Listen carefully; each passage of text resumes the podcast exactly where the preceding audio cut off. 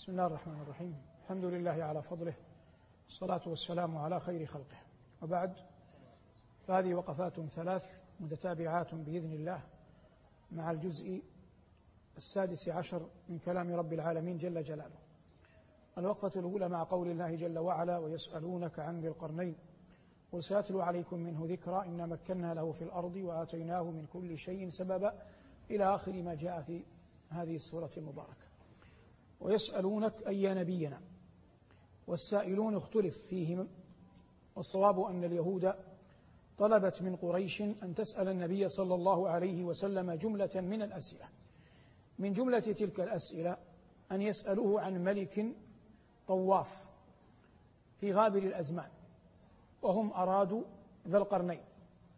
فقال رب العالمين ويسألونك عن ذي القرنين قل سأتلو عليكم منه ذكرًا. ومن هنا بعضية. فالقرآن ليس كتاب تاريخ وإنما ما مضى من التاريخ وكان في القرون يؤخذ منه ما ينفع الناس ويكون عونا لهم على طاعة ربهم ادكارا واعتبارا وعظة. ويسألونك عن ذي القرنين قل سأتلو عليكم منه ذكرا إنا مكنا له في الأرض وآتيناه من كل شيء سببا. الجذر اللغوي للميم والكاف والنون يفيد التمكن ومنه قول الله جل وعلا ذي قوة عند ذي العرش مكين وقال الله عن النطفة وهي في الرحم في قرار مكين قال هنا إنا مكنا له في الأرض فالذي مكن له هو ربه فذو القرنين عبد مهما بلغ ملكه والله يقول قل اللهم مالك الملك تؤتي الملك من تشاء وتنزع الملك ممن تشاء وتعز من تشاء وتذل وتذل من تشاء. إنا مكنا له في الأرض وآتيناه من كل شيء سببا. قلنا إن السنن لا تتبدل ولا تتغير. ثمة أسباب بيناها له بيناها له وأوضحناها له فأخذ بها. ولهذا قال الله مثنيا عليه فأتبع فأتبع سببا. وذو القرنين سئل عنه النبي صلى الله عليه وسلم من حال نبوته. فقال لا أدري أكان ذو القرنين نبيا أم لا. فقوله عليه الصلاة والسلام لا أدري أكان ذو القرنين نبيا أم لا يجعلنا عند الآيات التي يظهر فيها مخاطبة الله لذي القرنين نتوقف.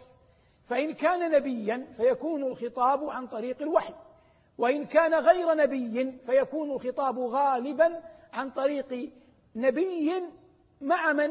مع ذي القرنين كما وقع لطالوت مع نبيه. كما وقع لطالوت مع نبيه وقال لهم نبيهم إن الله قد بعث لكم طالوت ملكا. فالنبي كان مع طالوت في زمنه ويأتمر مع جنده لكنه كان هو الذي يخبره عن الله. وكذلك ذو القرنين إن قلنا إنه نبي فهو عن طريق الوحي عن طريق جبريل.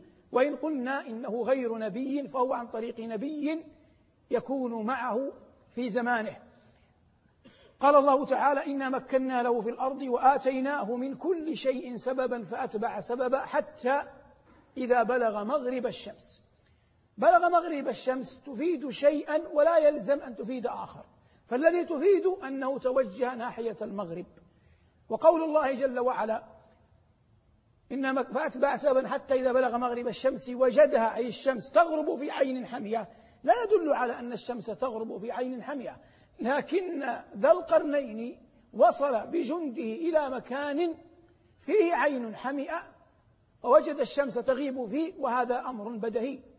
فمن يكون في الصحراء يراها تغيب في الصحراء ومن يكون مطلا على البحر يرى الشمس تغيب في البحر ومن كان في زمرة جبال يرى, الجبال يرى الشمس تغيب تغيب في الجبال. وجدها تغرب في عين حمية ووجد عندها قوما قلنا يا ذا القرنين إما أن تعذب وإما أن تتخذ فيهم حسنا. حتى يقوم ملك على أشده وهذا من الأسباب التي ذكرها الله من قبل. لا بد أن يخاف من يسيء ويكافأ من من يحسن وإلا لا يستقيم ملك. فقال ذو القرنين قال أما من ظلم فسوف نعذبه. ثم يرد إلى ربه فيعذبه عذابا نكرا. يوجد في القرآن أيها المبارك منكر ويوجد نكر وفرق بين النكر والمنكر. فالنكر هو الشيء المستعظم الذي يتهول المرء عند سماعه. ولو كان حقا أما المنكر فهو الباطل ضد المعروف والحق. ضد المعروف والحق. في وصف المتقين يأمرون بالمعروف وينهون وينهون عن المنكر.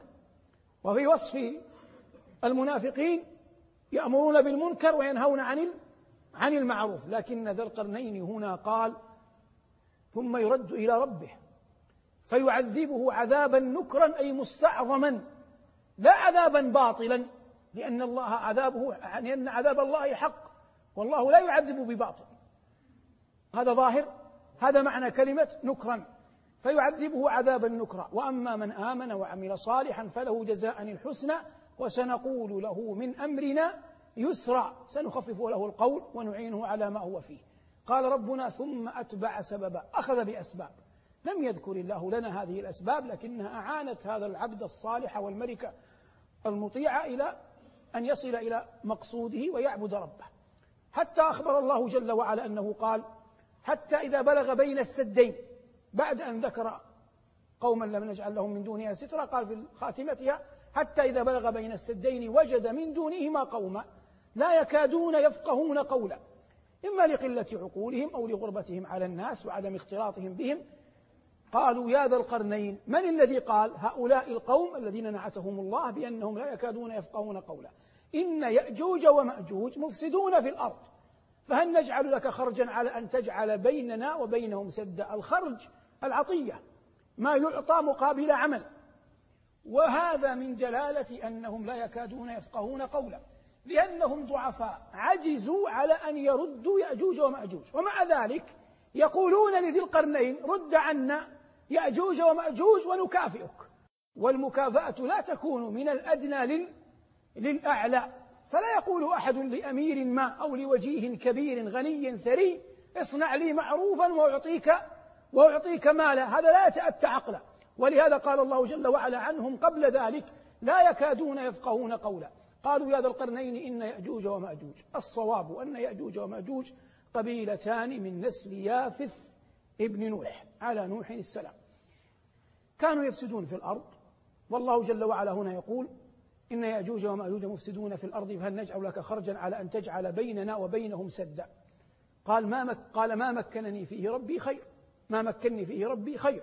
ما أنا فيه من التمكين خير مما ستعطوني من عطاء على ما سأقوم به. ثم طلب منهم الإعانة فاستغل أبدانهم لما رأى قلة عقولهم. فطلب زبر الحديد أي قطعه ثم ما زال يأتي بالحديد مع النحاس المذاب حتى صنع سدا سدا سماه هو ردما وهم طلبوا سدا فردم ما بين ما بين السدين وحال بين يأجوج ومأجوج أن يأتوا إلى أولئك الأقوام أجعل بينكم وبينهم ردما. وهؤلاء يأجوج ومأجوج خروجهم في آخر الزمان كما هو معلوم في السنة الصحيحة وفي القرآن من علامات الساعة الكبرى. قال الله واقترب الوعد الحق وقال حتى إذا فتحت يأجوج ومأجوج. وهؤلاء الصواب أنهم اليوم في مكان لا يعلمه إلا الله.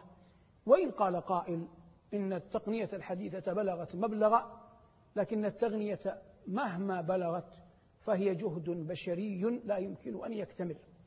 وظاهر القرآن وظاهر السنة على أنهم في ردم خفي لا يعلمه إلا الله وأن الله كتب لهم يوما يخرجون فيه وهم قبائل كثر ما زالوا يتناسلون ويتناكحون حتى يزدادوا فيخرجون. والأحاديث كلها في هذا الباب تدل على مثل هذا. جملة ما دلت عليه الحديث أنهم يحفرون حتى يرون شعاع الشمس فيأتي عليهم يوم يقول القيم عليهم غدا إن شاء الله فيأتون غدا فيجدونه كما تركوه فيخرجون. قال ربنا حتى إذا فتحت يأجوج ومأجوج وهم من كل حدب ينسلون يعيثون في الأرض فسادا. يكون عيسى والمؤمنون الذين معه في الأرض فيفر عيسى بالمؤمنين إلى جبل الطور ثم إنهم يعيثون في الأرض فسادا ويشرب أولهم بحيرة طبرية ولا يجد الآخر الآخر منها لهم منها فيها شيء. ثم بعد ذلك يدعو عليهم عيسى دعوة أولى بأن يموتوا فيصيبهم النغف في رقابهم فيموتون فرسا أي قتلى كموتة رجل واحد. ثم يدعو عليهم مرة أخرى فيرسل الله طيرا كبارا كأسنمة البخت تحملهم تلقيهم في البحر وتصبح الأرض نتنة من أجسادهم فينزل الله جل وعلا مطرا ليس لأهل زرع ولا أهل ضرع فيغسل الأرض من من نتنهم فينزل عيسى والمؤمنون الذين معه إلى الأرض. وقد قال صلى الله عليه وسلم إن المؤمنين آنذاك لا يوقدون من قسي يأجوج ومأجوج سبع سنين. وهذا يدل على أنهم كثير العدد وأنهم لهم قوة. آتاهم الله جل وعلا إياها لكن إن الله على كل شيء قدير. سبحان من خلقهم سبحان من جعل خروجهم حكمة وسبحان من أهلكهم هلكة رجل واحد. وهذه كلها من أمارات الساعة. قال الله عن ذي القرنين فما استطاعوا أن يظهروه وما استطاعوا له نقبا. لو فرضنا أن هذا هو السد فإن ثقب السد أصعب من صعوده. ثقب السد أصعب من من صعوده. جاءت بلاغة القرآن العرب تقول الزيادة في المبنى زيادة في المعنى.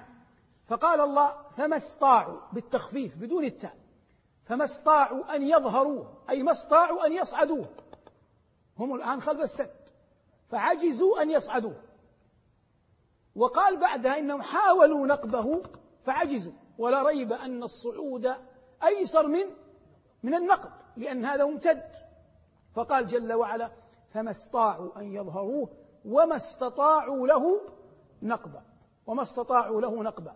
فناسب أن يقول في الصعود والظهور التخفيف وناسب أن يقول في النقب التثقيل فزاد بالتاء والعرب تقول الزيادة في المبنى زيادة زيادة في المعنى. فما استطاعوا أن يظهروه وما استطاعوا له نقبا. وهم كما بينا علامة من علامات الساعة.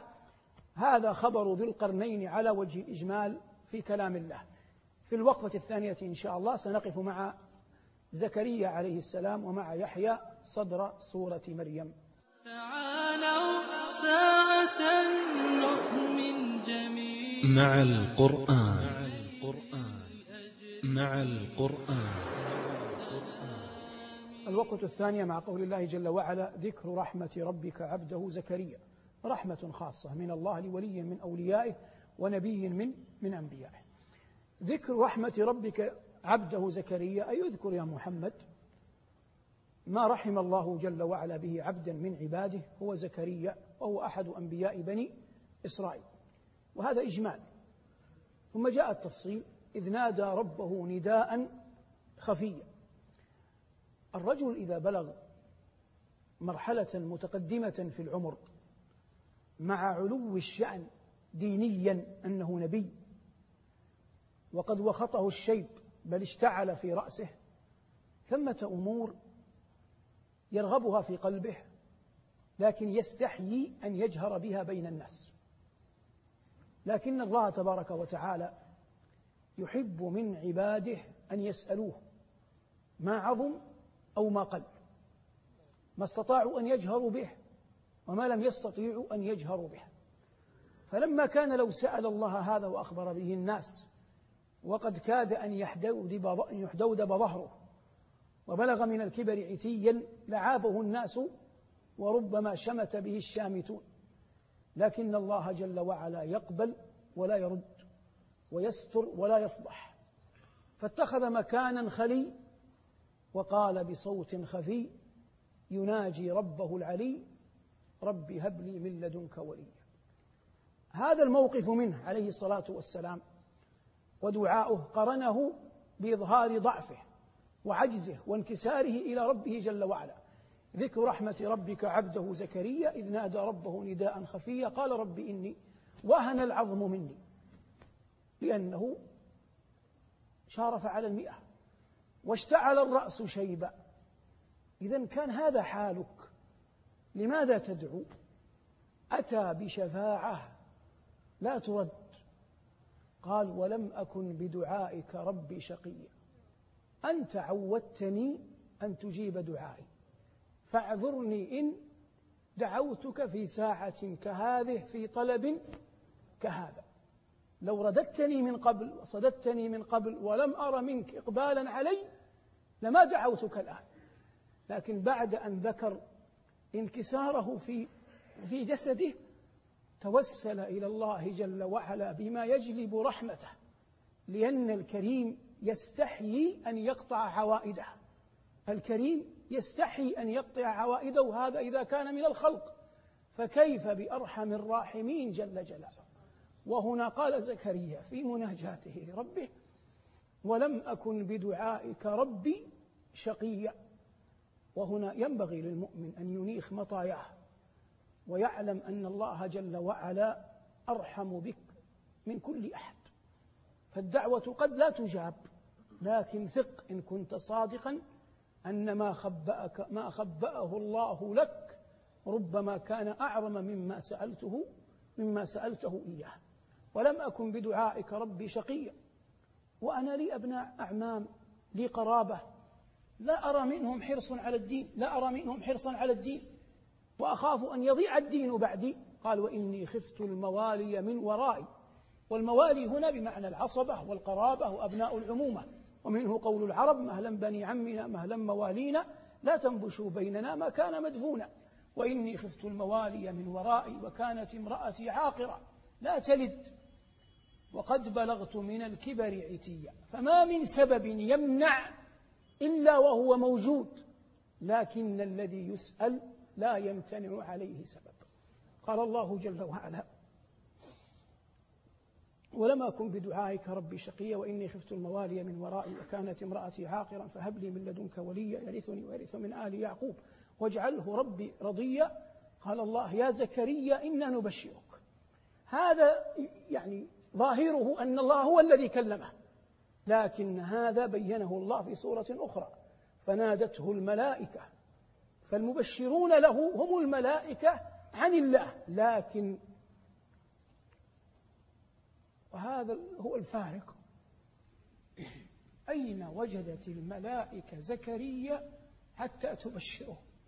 قال الله. فنادته الملائكة وهو قائم يصلي في المحراب.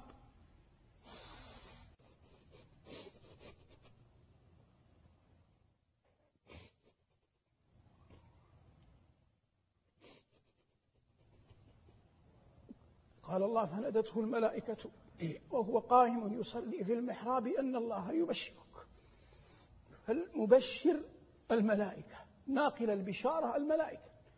والمبشر حقا الله فنادته الملائكة وهو قائم يصلي في المحراب. هذا في آل عمران ونحن في مريم. يا يا زكريا إنا نبشرك بغلام اسمه يحيى. ثم قال الله لم نجعل له من قبل سميا. فالذي اختار له الاسم هو الله. وبداهة عبد مخلوق وإن كان نبيا مكرما إلا أن الذي سماه هذا الاسم هو الله. بدهي أن يكون فيه من الخير ما لا يكون إلا في القليل غيره. بل روي من عدة أوجه وهو مشهور بين أهل العلم أن هذا النبي لم يعص الله طرفة عين. لم يعص الله طرفة عين. قال الله تعالى إنا نبشرك بغلام اسمه يحيى لم نجعل له من قبل سميا. لا أحد تسمى بهذا الاسم من من قبله. هنا رجع زكريا إلى بشريته وتذكر الأسباب المانعة من حمل زوجته.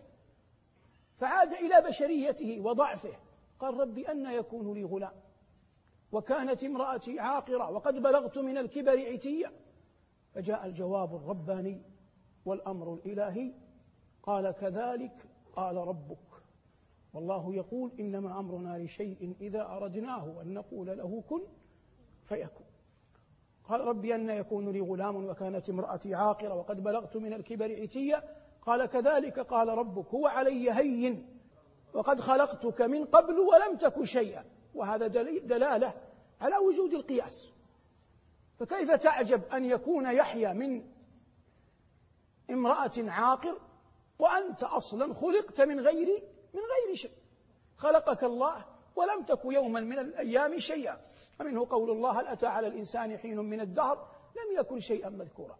فقال الله جل وعلا وقد خلقتك من قبل ولم تك شيئا. فطلب آية. قال رب اجعل لي آية. قال آيتك ألا تكلم الناس ثلاث ليال سويا. والمعنى سويا هذه حال من زكريا لا من الليالي. حال من زكريا لا من الليالي. والمعنى أنت سوي الخلقة. ليس فيك عيب ولا يعتريك نقص لكنك لا تخاطب الناس. ثلاثة أيام في آل عمران وهنا ثلاثة ليال بمعنى ثلاثة أيام بلياليهن ثلاث ليال سوية فخرج على قومه. من أين؟ من المكان الذي بشر به. وأين بشر؟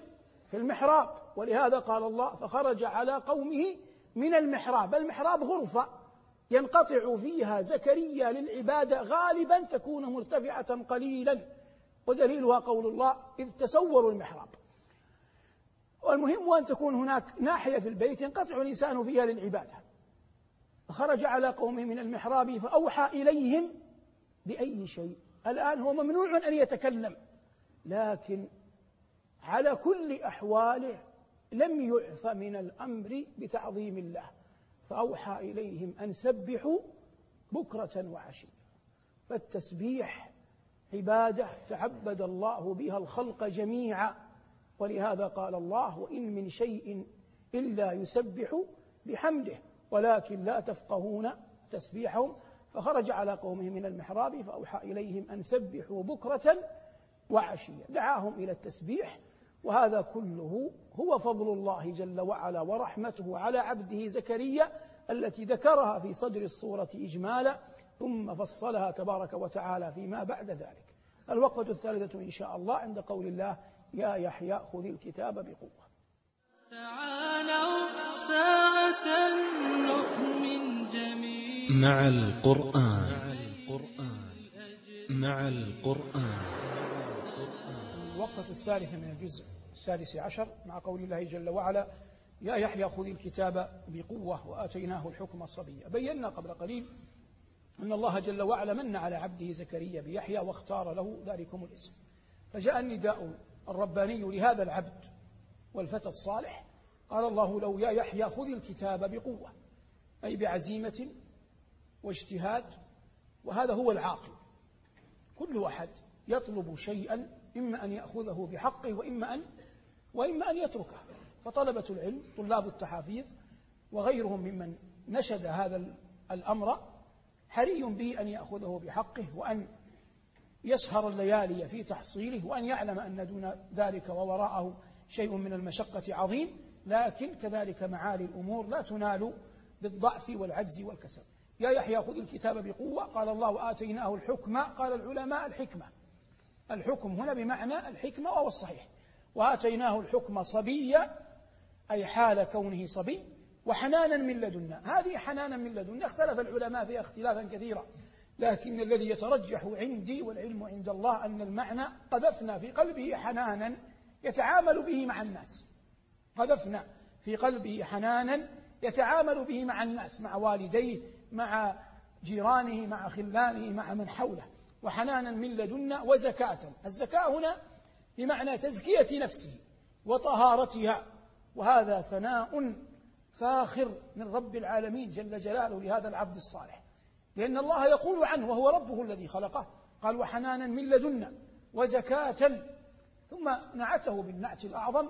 قال وكان تقيا وتقوى الله أن تعبد الله على نور من الله ترجو ثواب الله وأن تترك معصية الله على نور من الله تخشى عقاب الله. وقد قيل إن الله لا يرحم إلا أهلها ولا يقبل إلا غيرها ولم يستثن الله منها أحدا. يا أيها النبي اتق الله. وحنانا من لدنا وزكاة وكان تقيا ثم نعته بنعت أخص. قال وبرا بوالديه. برا بوالديه أي قائما بحقهما. لا يرى أحد منهما منه عقوقا البتة. وبر الوالدين من أعظم أسباب وطرائق التوفيق وهو رحمة يقذفها الله جل وعلا في قلب من يشاء من عباده في تعامله مع والديه. وقد حررنا غير مرة أن كمال البر أن الإنسان يقرأ في عيني والديه مرادهما. لا ينتظر أن يأمراه والداه بالأمر. فإن أمراك فليس لك خيار أصلا أن أن تمتنع. اللهم إلا إن كان إلا إن كانا قد أمراك بمعصية. لكن إن أمراك بطاعة فأنت لا تملك أصلا خيارا في في ردهما. لكن عظمة البر هو ذلكم الذي يقرأ أو يعلم بطريقة ما حاجة والديه ثم يبرهما يتأسى بالصالحين من الخلق والأخيار من العباد كما قال الله عن هذا العبد الصالح وبرا بوالديه. ولو لم يكن البر بالوالدين منقبة لما أثنى الله بها على عبده هذا. والله لا يثني إلا بعظيم. ولهذا ترى البعض يتقلد أمورا لا ترى القرآن يحفل بها ويأتي لما حفل به القرآن وقرره وكرره فلا يحفل هو به. ولكن الإنسان يقدم من قدمه الله ويؤخر من أخره الله ويتلبس بالكسوة التي أمر الله بها. فالله جل وعلا هنا لما أراد أن يبين هذا العبد الصالح ومقامه ومكانه قال وبرا بوالديه ولم يكن جبارا عصيا. يقال جبر جبر بمعنى سدد شيئا قد قد انكسر. وهو هنا بمعنى أنه لم يكن في قلبه عتو ولا تعال على الخلق. والتجبر في حق الله من صفاته العظمى ومن أسمائه الجبار. أما في حق العباد فإن الله حكم بالخيبة على أهله. قال الله واستفتحوا وخاب كل جبار عنيد. واستفتحوا وخاب كل جبار عنيد. وبعض الناس يظن أن الجبروت يعني قوة شخصيته فهذا لم يعرف قدرة ربه بعد. ولا حاجة لذكر أنباء وأخبار في هذا فالأمر من الجلاء بمكان. لكن الله أثنى على هذا العبد الصالح بقوله ولم يكن جبارا عصيا. ثم قال وسلام عليه يوم ولد ويوم يموت ويوم يبعث حيا. هذه الثلاث أوحش المواطن. هذه الثلاث أوحش المواطن. لما هي أوحش المواطن؟ في الأولى يخرج الجنين مما كان فيه. هذه لحظة الولادة. والثانية لحظة الموت يوم يموت يقابل أقواما لم يعهدهم من قبل وهما ملكا الموت ملكا السؤال ويوم القيامة أوحش لأنه يرى من أهوال يوم القيامة. وأهوال يوم القيامة أنبأ الله أنه يشيب لها الولدان. فكيف تتقون إن كفرتم يوما يجعل الولدان شيبا؟ فلما كانت هذه الثلاث المواطن من الوحشة بمكان سلم الله جل وعلا هذا العبد الصالح منها. فقال الله جل وعلا وسلام عليه أي على يحيى يوم ولد أن يقربه الشيطان أو أن يناله أو يلحقه بأذى. ويوم يموت سيموت على وفاة طيبة وحال حسنة رغم أنه مات مقتولا. قتله بني إسرائيل. ويقال إنهم نشروه بمنشار أي اليهود. لكنه لا ينظر إلى حال الميت كيف مات. إنما ينظر على أي شيء على أي شيء مات. فمن يموت في حادث من يموت في مرض من يموت في حرق في من يموت في غرق من يموت برصاص من يموت خطأ من يموت بطريقة ما هذا كله سبب لتزهق روحه. لكن على أي حال مات؟ المقصود ماذا كان يحمل في قلبه من المعتقد؟ وكما كان يضمر في قلبه من السرائر وماذا كان عليه من الطاعة. هذا الذي يقابل به الله. الله يقول يوم تبلى يوم تبلى السرائر. الله يقول يوم تبلى يوم تبلى السرائر. قال الله هنا وسلام عليه يوم ولد ويوم يموت ويوم يبعث حيا. والسلام رحمة من الله عظيمة. فالله هو السلام ومنه السلام.